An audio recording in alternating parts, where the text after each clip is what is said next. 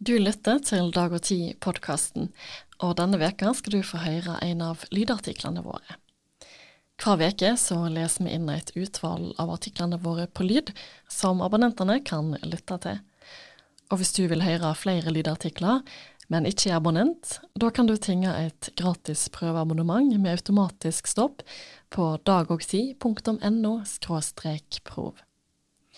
Britt Aksnes, skribent, programskaper, kulturarbeider og fast filmmelder i Dag og Tid, har meldt filmen De åtte fjellene. Og den meldinga skal du få høre nå.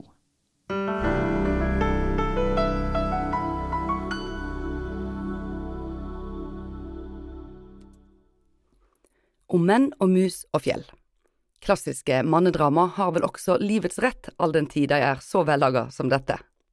De åtte fjellene er regissert av Felix van Grønningen og Charlotte van der Mersch, og har Luca Marinelli og Alessandro Borgi i hovedrollene.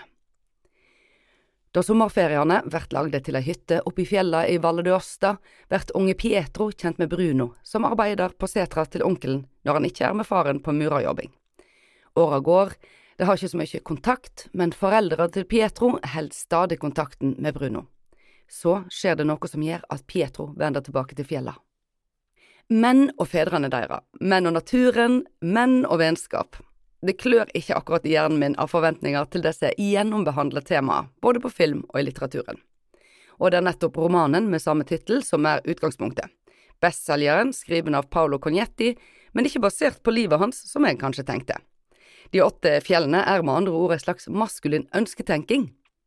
Helt siden jeg las Tom Sawyer først, og så bøkene til John Steinbeck noen år seinere, har jeg automatisk identifisert meg med de mannlige hovedpersonene, deres dilemma og kvaler, gleder og undringer.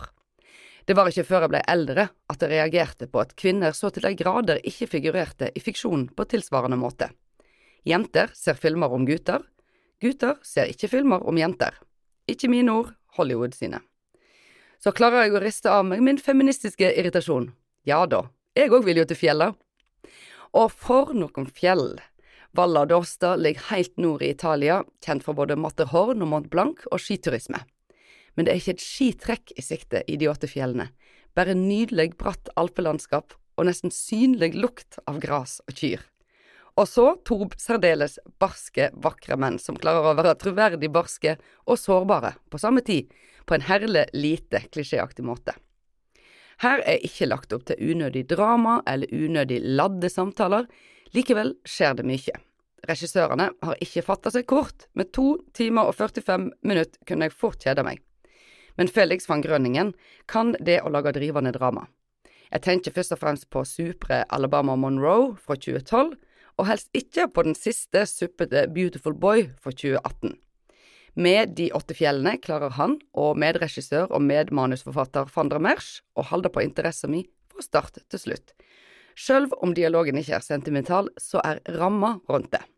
Tilbake til naturen-temaet er relativt universelt og kjønnsnøytralt, og i dette tilfellet tåler jeg ganske gode doser med den type sentimentalitet, sjøl uten farskompleks og skjegg.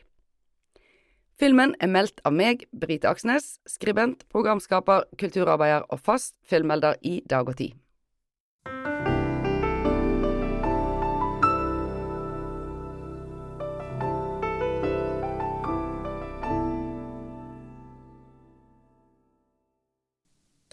Du lytter til en av lydartiklene våre.